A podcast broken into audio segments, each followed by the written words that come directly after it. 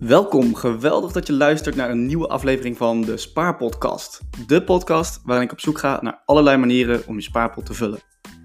Ik ben Robin en als indexbelegger in hart en nieren is het mijn doel om met deze podcast alles rondom persoonlijke financiën voor millennials een stuk leuker en toegankelijker te maken. Welkom bij weer een nieuwe aflevering van de Spaarpodcast. Vandaag heb ik de gast Nick van Heeswijk van Core Keys. Een bedrijf dat letterlijk de mogelijkheid biedt om te investeren in geldbomen. Dat klonk nogal interessant, want zoals Mark Manson zegt, fucks don't grow on trees. Maar in this case uh, geldt wel. Nick, leuk dat je er bent. Ja, mooi om hier te zijn. Hoe is het met je? Heb je er zin in? Ja, zeker. Echt veel zin in. Dank voor de uitnodiging. Ja, geen enkel probleem. Ik, uh, ik, ik, zag het bedrijf langskomen en ik denk, nou, dat is best wel iets, iets nieuws, iets vernuftigs. Daar, gaan we het, uh, daar, nou, daar heb ik eigenlijk wel een paar leuke vragen over. Maar voordat ik dat ga doen, heb ik eigenlijk natuurlijk altijd één vraag voor al mijn gasten. En wat is, uh, ja, welk cijfer geef je je eigen financiële situatie tussen de 1 en de 10? Oeh, dat is meteen een uitdagende vraag. Ik denk een, uh, een mager zesje, denk ik. Oeh. Aan het begin van een onderneming staat dat niet al te hoog in het vaandel. Maar dat hoort denk ik ook bij een nieuwe onderneming. Oké, okay, dus het is weinig aan jezelf uitbetalen en veel investeren, begrijp ik. Precies, precies. Ja, want wanneer zijn jullie begonnen precies? Mm, we zijn in 2018 zijn we live gegaan, als in mochten we bomen gaan verkopen. En ongeveer sinds 2017 zijn we er echt mee bezig. Het idee is ontstaan in de zomer van 2016. Oké, okay. nou uh, laten we meteen aftrappen. Want kun je aan de luisteraar die jullie niet kent uitleggen wat jullie precies doen? Uh, ja, zeker. Uh, Corkies is een duurzame investeringsplatform. En bij ons kan men investeren in bomen. Um, en het zijn het is een bepaald type bomen. En aan die bomen groeien kleine nootjes. En ieder jaar oogsten we al deze noten. En die persen we. En er zit ruwe olie in. Uh, nou, die ruwe olie verkopen we aan de grote oliemaatschappijen. En die raffineren dat tot groene brandstof. Een, uh, een alternatief aan fossiele brandstof eigenlijk. Um, wat er overblijft van het pers van die noot, soort van droog pulp, daar zit heel veel proteïne in. Dat verkopen we aan lokale veeboeren in Latijns-Amerika, waar de bomen groeien. En die twee opbrengsten van de olie en van de proteïne, die vloeien terug naar de bomenkoper. Dus behalve het feit dat ze zichzelf hun CO2 compenseren, klimaatneutraal maken, het hebben bossen zijn, dat gedeelte, uh, ontvangen ze ook daadwerkelijk rendement op hun inleg. Juist. En uh, ik heb op jullie website gezien dat het planten van één boom is uh, 10 vlieguren compenseren aan CO2. Ja, ja ongeveer, ja, gemiddeld. Dat oh. klopt. En ik kan een boom kopen voor 20 euro. En de verwachting is dat, dat die 20 euro binnen over een periode van 20 jaar 51 euro aan rendement oplevert. Ja, ja dat klopt. Oké, okay, nou dat zijn aantrekkelijke uh, dingen natuurlijk. Hè? Want ik, uh, duurzaamheid is een van de pijlers die ik heb uh, met Spaarpodcast. En rendement maken natuurlijk ook. Dus de combinatie daarvan vind ik erg vet. En die, die bomen die worden geplant aan de grens met Brazilië in Paraguay was het? Of? Ja, ja in, in Latijns-Amerika. Net in Paraguay. Aan de, de, aan de Rio Paraguay. Dat is die rivier die de landen Brazilië en Paraguay van elkaar grenst. Ja, via de rivier kan ook uh, te zijn de tijd de olie worden afgevoerd. Met tankers bijvoorbeeld. Ja, precies. Ja, oké. Okay. En uh, volgens mij heten die bomen Pongamia-bomen. Ja, de Pongamia-boom. Dat klopt. Zo heet die. Oké. Okay. En hoe ben je daarop gekomen dan in, in godsnaam? Om in Pongamia-bomen te gaan planten? Ja, er zijn uh, eigenlijk drie grote Pongamia-plantages ter wereld. In uh, Australië en Amerika en in Paraguay, Brazilië en Paraguay. En de jongste en de grootste zit in Paraguay. En de eigenaar daarvan, de oprichter, dat is een oom van ons. Uh, die heeft het weer gezien in Amerika toen de tijd. Die, hij is geboren in Brazilië. Mijn vader is ook geboren in Brazilië. en hij woont inmiddels in Parijs. En hij hoorde in Amerika van die plantage en zag die boom. En toen dacht hij van, jezus, dit zou wel eens heel goed kunnen werken in mijn moederland. Nou, zo is hij begonnen. Ik was daar in 2016 en toen liep ik daar rond. En toen, toen zag ik wat er allemaal gebeurde. En toen dacht ik, nou ja, eigenlijk dacht ik drie dingen. Ten eerste, dit is een van de gaafste dingen die ik ooit gezien heb. Ten tweede, dit gaat gigantisch worden op een dag als men snapt wat hier gebeurt, wat de potentie is. En ten derde, dit is mijn kans om een bedrijf op te zetten. Dus daar heb ik weer korkjes omheen gebouwd als losstaand bedrijf. Gaaf. Zo is begonnen. Ja, en dat doe je niet alleen, geloof ik. Nee, nee, ik doe dat samen met een nicht van mij. Dus het is een soort van familiebedrijf is het. Ja, familiebedrijf en familieconnecties, oké. Okay. En je ja. een paar mensen in dienst, geloof ik, toch? Ja, er zijn wat mensen die ons uh, bijstaan waar nodig, inderdaad, ja. Ja, we hebben een, een, een designer en een user experience iemand die voor ons werkt. We hebben wat jongens die verstand hebben van IT. We hebben wat, wat mensen die wat, wat content kunnen schrijven hier en daar. Wat business development kunnen doen. Dus die zijn, die zijn gelukkig al onderdeel van het team. Dus we zijn aan het groeien wat dat betreft. Gaaf. Gewoon letterlijk bezig met geldbomen, geldbomen planten. Ja, letterlijk wel, ja. ja. Daar komt het wel op neer. En jullie zijn een, een stichting of een bedrijf? Want ik zag ergens foundation staan. En... Ja, we zijn, Korkje zelf is een stichting. En de stichting doet ook echt niks anders dan bomen. Dus al het geld dat erin gaat is voor bomen. En al het geld dat eruit gaat is ook weer voor bomen. Dus of om bomen te kopen of om rendement uit te betalen. Ja. Uh, maar de bestuurder van de stichting is een bedrijf. Dat is een bedrijf van mijn nicht en mij. Daar zijn we allebei 50% aandeelhouder in. Uh, en uh, daarin betalen wij de rekeningen. En daarin wordt met de tijd ook hopelijk ooit de management fee naar boven gesluist uitgekeerd. Dus, dus het bedrijf zelf is een stichting. Of de bomen zelf zijn een stichting. Maar er zit daar gewoon een commercieel bedrijf boven. Ja, precies. Oké. Nou, ik ga zo zeker wat vragen stellen ja, om er wat dieper op in te gaan hoe die structuur dan werkt. En ja, ik, ik bedoel, ik ben geen agrarie, agrarische specialist, dus de, bomen, dat, is toch wel grappig. Um, wat merk je dan qua interesse? Want duurzaamheid wordt steeds belangrijker. Wat voor mensen komen bij jullie uit? Mm, het verschilt een beetje tussen. Het zijn vaak iets jongere mensen. Dus uh, mensen die oud genoeg zijn om iets te besteden te hebben. Maar ook die jong genoeg zijn om duurzaamheid nog belangrijk te vinden. Kijk, onze generatie vindt dat wat belangrijker. Dat moet ook wel, want wij hebben er veel meer mee te stellen. We hebben veel meer schade te herstellen die de vorige generaties heeft aangedaan. Um, dus dan kijk je veel naar millennials of jongere gezinnen van zeg 30 tot 50, 60 jaar oud. Uh, wat oudere mensen vinden ook interessant, maar die kopen dan vaak voor hun kinderen, voor hun kleinkinderen. Dus echt, de, die private investeerders, die zijn vaak wat, wat jonger en wat, wat moderner in die zin. Ja, precies. En, ja.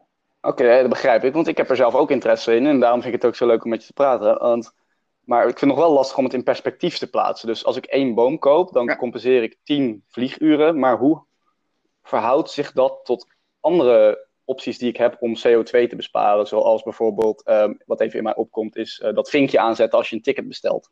Van, ik compenseer mijn vlucht.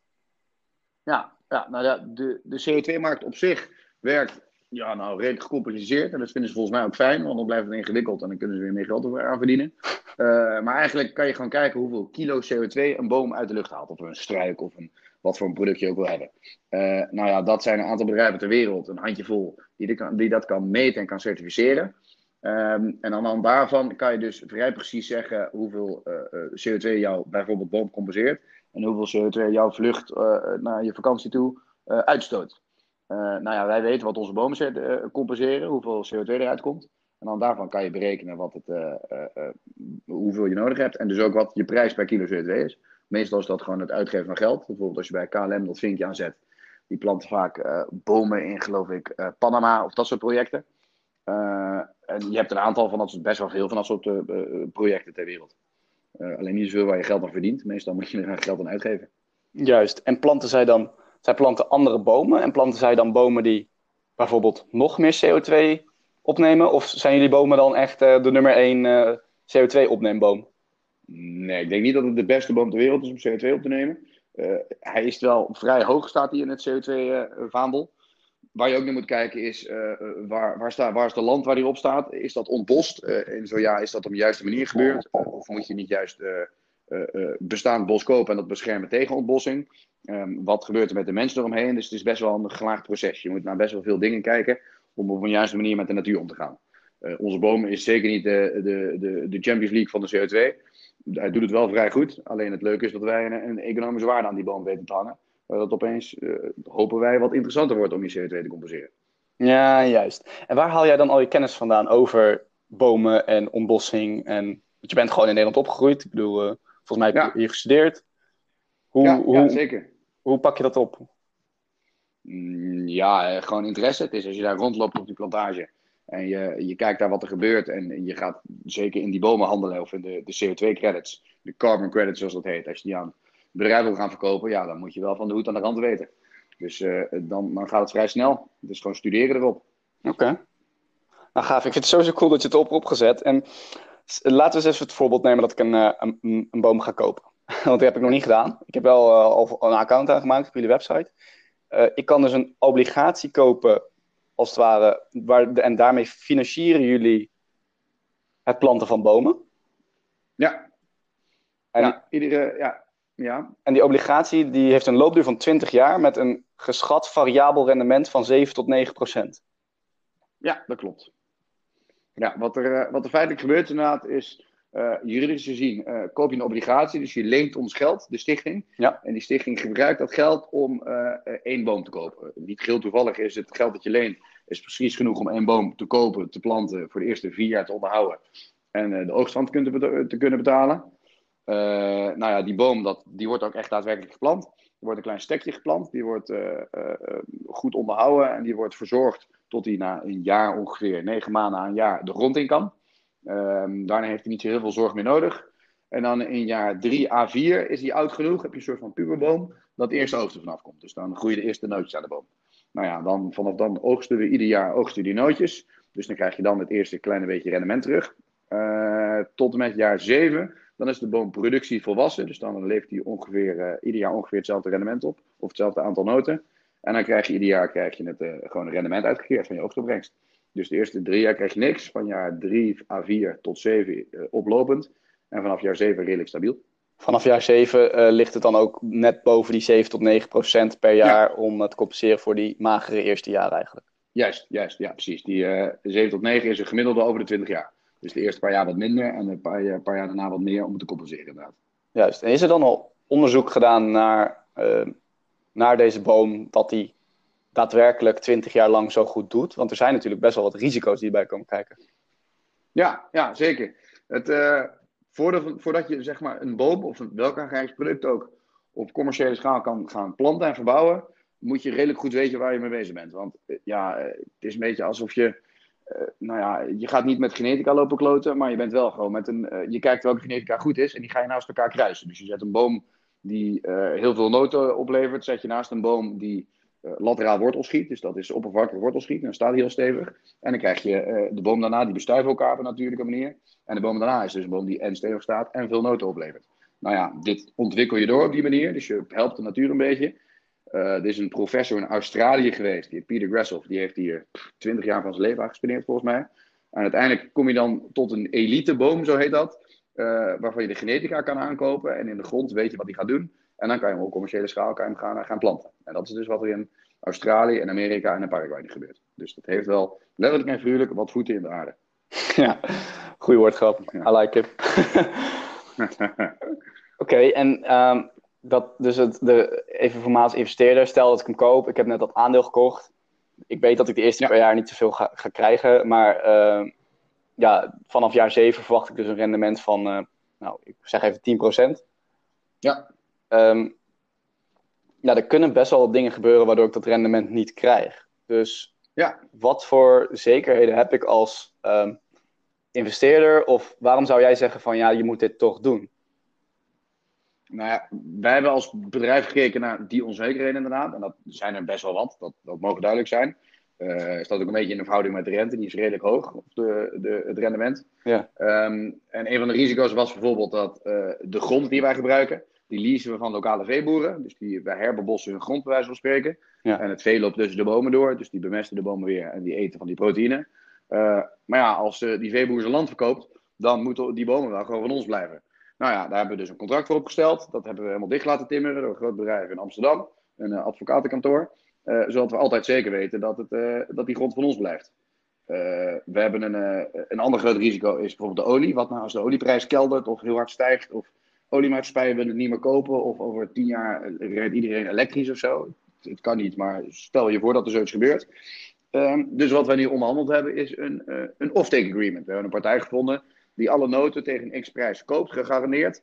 En uh, zij gaan dan vervolgens met oliemaatschappijen onderhandelen. Dus zij nemen het risico en de upside dat die olie veel meer waard wordt. En op die manier hebben we weer minder risico voor onze investeerders. Maar ja, het blijft een groene investering. Dus als er een weet ik veel, het gaat sneeuwen in Paraguay, er komt een tsunami, een wervelstorm, iets wat je gewoon niet kan voorzien, niet waarschijnlijk is. Ja, ja dan, dan, dan, dat, dat is het risico, dat hoort erbij. Ja. Dan, ben ik, uh, dan heb ik geen bedrijf meer en dan heeft de investeerder krijgt geen rendement. Ja. Dat, uh, ja, dat blijft natuurlijk altijd. Ik ben niet vies van uh, helemaal geen risico nemen. Ik doe ook andere risicovolle dingen. Dus ergens is het wel interessant. Maar waarom geloof je dan zelf zo sterk in dit idee? Dus waarom... Ja. Mm Ik denk door het totaalplaatje. Dus als je echt gaat, echt gaat doorkijken, dat vind ik zelf belangrijk. Van, is het nou echt goed voor de natuur? Als je, heel veel mensen zeggen, we doen iets wat duurzaam is, wat goed is voor mens, natuur, wat dan ook. Maar als je dan vijf keer doorvraagt, is het echt zo goed? Dan bij de vijfde keer, dan begint meestal een verhaal te kraken. Dan begint meestal het, ja, dan zie je toch wel dat er hier en daar is er, zijn er wat loopjes genomen met wat feiten. Of zijn er wat dingen wat makkelijker genomen. Waardoor het eigenlijk wel meevalt hoe goed het is voor de natuur. Nou, dat hebben wij natuurlijk zelf ook gedaan. Ik heb hier rondgelopen tussen die bomen. Je gaat uh, letterlijk te paard, ga je daar in de jungle tussen de bomen door. Je spreekt met de mensen daar, je kijkt wat er gebeurt, je kijkt wat de potentie is in de markt. Uh, en ik ben er gewoon echt van overtuigd dat dit daadwerkelijk uh, een positieve impact heeft. Dus dat iedereen er beter van wordt als er veel bomen geplant zijn. Um, en het voordeel is, wat ik denk dat de enige manier is om impact te maken, is dat het gewoon een, een economische waarde heeft. Dus dat je uh, een economisch rendement hangt aan duurzaamheid. Wat de enige manier is om, het, om echt impact te maken. Ja, juist. Dat, uh, dat ben ik wel met je eens hoor. Want ja. mensen willen wel graag duurzaam zijn, maar als er helemaal geen rendement aan zit, dan is het natuurlijk een ander verhaal. Nee, helaas niet. Nee, nee. Dan heb je vrij snel tegen een glazen plafond aan. Ja. Zijn er dan, ja. want dat weet ik eigenlijk echt helemaal niet zo goed, soortgelijke initiatieven of andere bedrijven die ook zoiets doen? Mm, nou ja, het concept duurzaam investeren bestaat natuurlijk gewoon. Ja. Je kan ook een, een deel van een windmolen kopen tegenwoordig en dan krijg je gewoon een deel van de windopbrengsten. Dus dat soort zaken bestaan er. Uh, CO2-compensatieprogramma's bestaan ook heel veel. Dus je kan ook cooking stoves in Afrika kopen of bosbehoud in Zweden doen. Daar zijn ook veel van, is daarvan te verzinnen. De bedrijvenmarkt is daarvoor heel groot. Dat is allemaal vrijwillig nu nog. Dus dat is niet bij wet vastgelegd.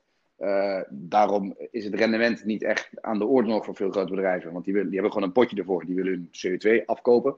Wat ze niet kunnen compenseren of niet kunnen bezuinigen, willen ze compenseren. Uh, dus de combinatie van de twee, rendement en CO2, is nog niet heel vaak voorgekomen. Ik heb nog niet veel gezien en ik heb redelijk wat, denk ik, gezien. Maar misschien weet jij meer dan ik met jouw podcast. Nou, nee, ja, ik uh, ben duurzaam. Ik noem het mijn duurzame dagboek. Ik ben het uh, aan, ja. aan het ontdekken, omdat het zo'n moeilijk onderwerp is. Dus eigenlijk alle onderwerpen een beetje ja, proberen uit te zoeken. Um, ja. En zoals jij zegt, ja, misschien. Ik zit nu even te denken, hoor, misschien moet, moet ik in de toekomst wel naar een, een duurzaam gespreid portfolio, waarbij je deels windmolens, deels zonnepanelen, deels bomen. En dus niet afhankelijk wordt van één uh, duurzame pilaar eigenlijk. Nee, dat zou ik sowieso doen. Ja, dat is natuurlijk altijd verstandig te investeren als je je portfolio spreidt. Dat je je potjes verdeelt. Ja, nou dat is wel chill bij jullie dat je dan gewoon vanaf 20 euro al kan investeren, zeg maar. Dat je niet meteen uh, heel je dak vol hoeft te leggen met zonnepanelen. Je kan gewoon klein beginnen. Nee, precies. Dat was ook de gedachte inderdaad. Met laagdrempelig te maken, zodat mensen eens kunnen proberen hoe het is. Ja, en hoeveel bomen hebben jullie dan al verkocht eigenlijk? We hebben nu een boom of 16.000, denk ik, hebben we nu verkocht. En die zijn ook zo, zo goed als allemaal wel geplant inmiddels. Zo, dus dat okay. gaat de goede kant op. Ja, dat in, in twee jaar ongeveer, dat is best wel knap. Ja, ja een kleine twee jaar, ja. En de komende twee jaar, hoeveel wil je er dan nog uh, planten? Mm, nou, uh, zoveel mogelijk uiteraard. Ik, uh, ik hoop dat dat keer vier zou gaan de komende twee jaar. Oké. Okay. En is er dan ook gewoon genoeg ruimte? Ik heb geen idee hè, hoe dat zit. Ja, dat is veel ruimte in Zuid-Amerika, maar past dat ook allemaal? Ja, ja. Ja want de, de grond die wij gebruiken, die moet uh, aan eigenlijk twee grote voorwaarden voldoen. Ja? Ten eerste is dat die tien jaar geleden of langer ontbost is. Dus dat is, 2009 is daar de grens voor, dus dat is al elf jaar inmiddels. Uh, dat is ooit internationaal is die grens aangelegd. Van als het daarvoor ontbost is, dan kan je het als herbebossingsproject mag je zien. Als het daarna is, dan wordt het weer tricky. Dat een, iemand claimt dan dat het daarvoor was. Dan, uh, dan weet je niet zeker of het echt goed is voor de natuur. Of niet, niet iemand gaat kappen. En de tweede voorwaarde is dat het marginale grond is. Marginale grond betekent dat de grond zo onvruchtbaar is. Is dat het verbouwen van voedsel er niet rendabel op is. Is gewoon uh, de grond kost meer dan het oplevert. Uh, we vinden het belangrijk dat mensen eten en dat je brandstof produceert.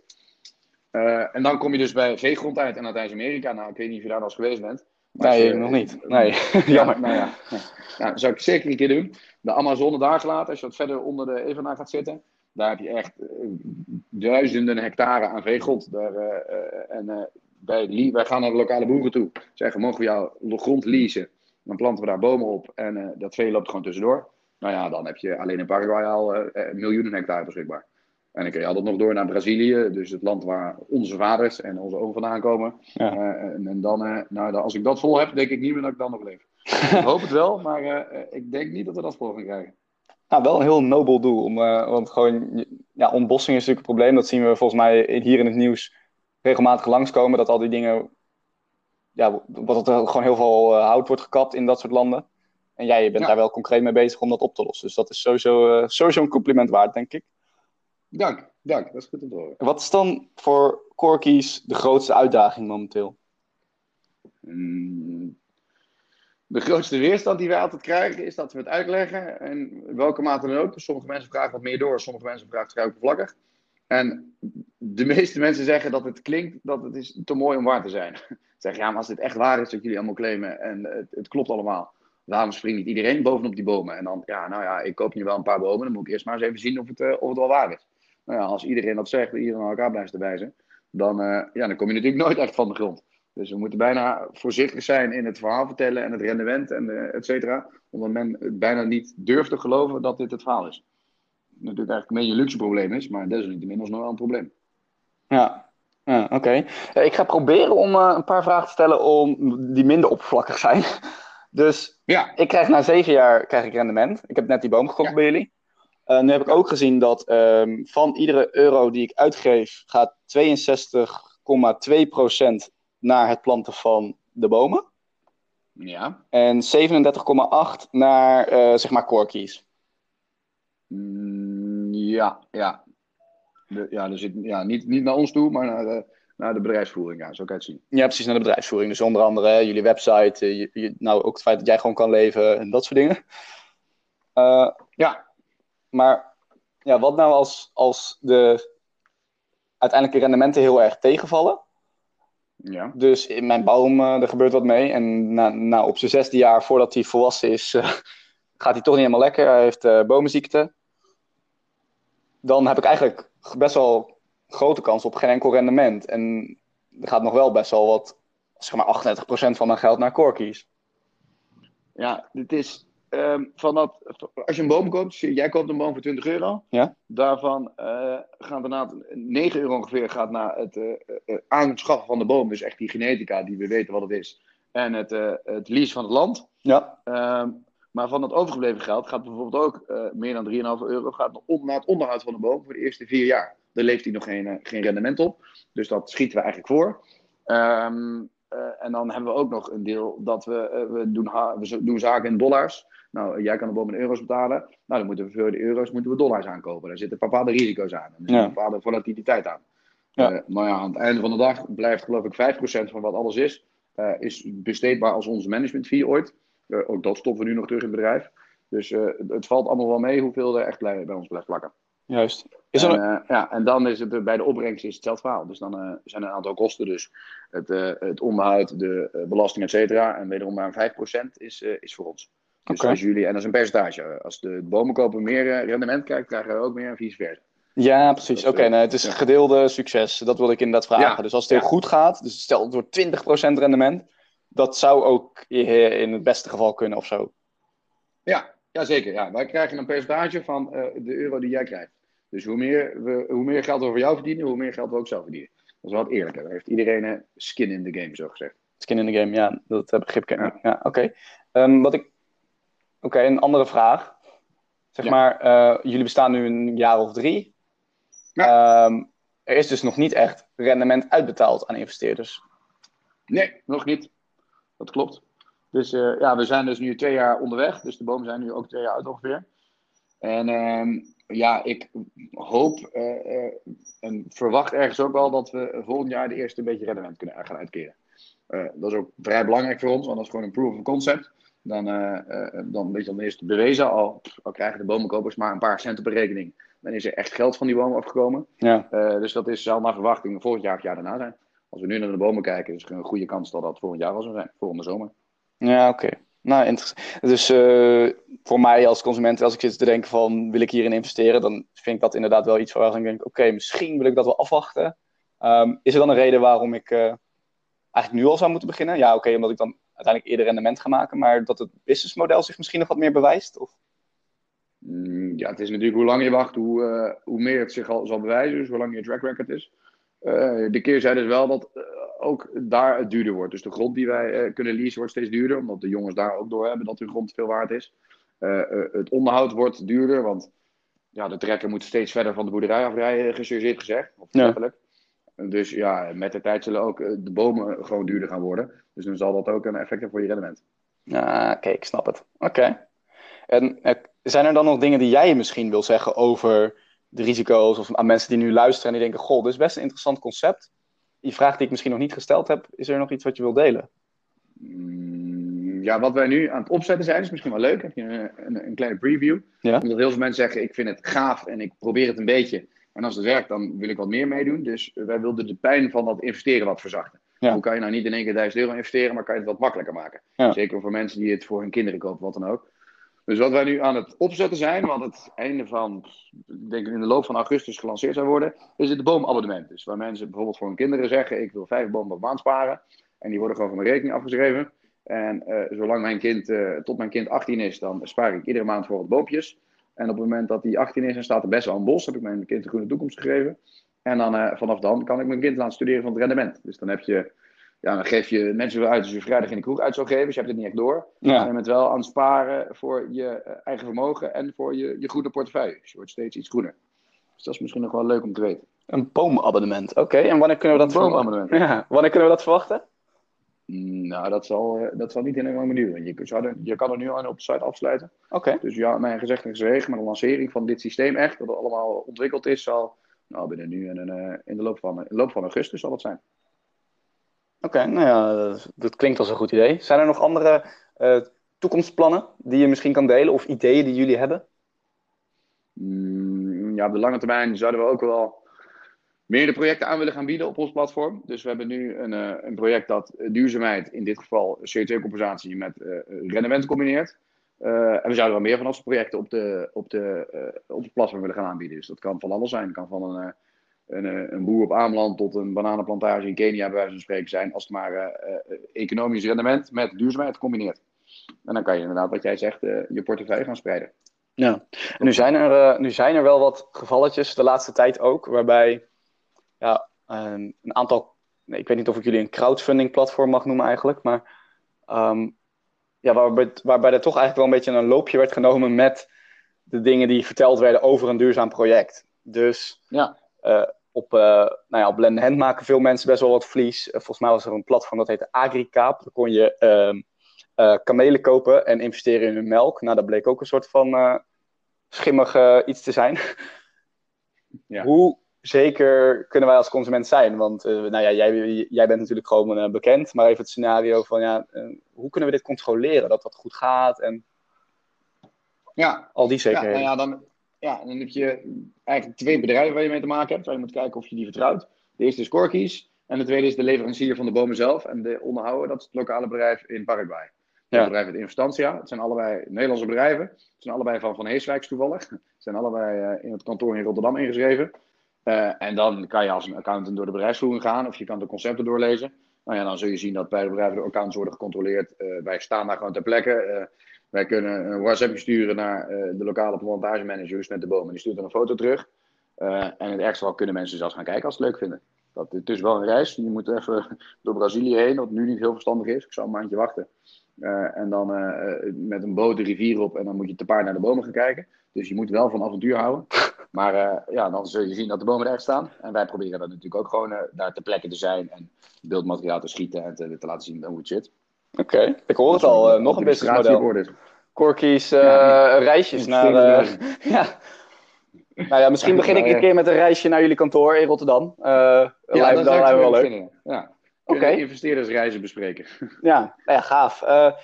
ik vond het heel erg leuk om het hier met je over te hebben. Bedankt dat je hier voor de tijd wilde nemen. En ik, hoop, ik hoop voor jullie dat het een succes wordt en ook voor de investeerders die erop investeren. Ik ga jullie zeker in de gaten houden. En uh, ja, ik wil je heel veel succes wensen met uh, het ontwikkelen van een mooi concept waarbij je toch ook uh, bijdraagt aan een betere wereld. Ja, dank. Leuk om hier, om hier te mogen zijn, Robin. Dank voor de uitnodiging. En leuk om even met je over het concept te hebben. Het is goed om met iemand met verstand van zaken over, erover te hebben. Altijd leuk. Ik hoop dat ik dat een klein beetje had. Zeker weten.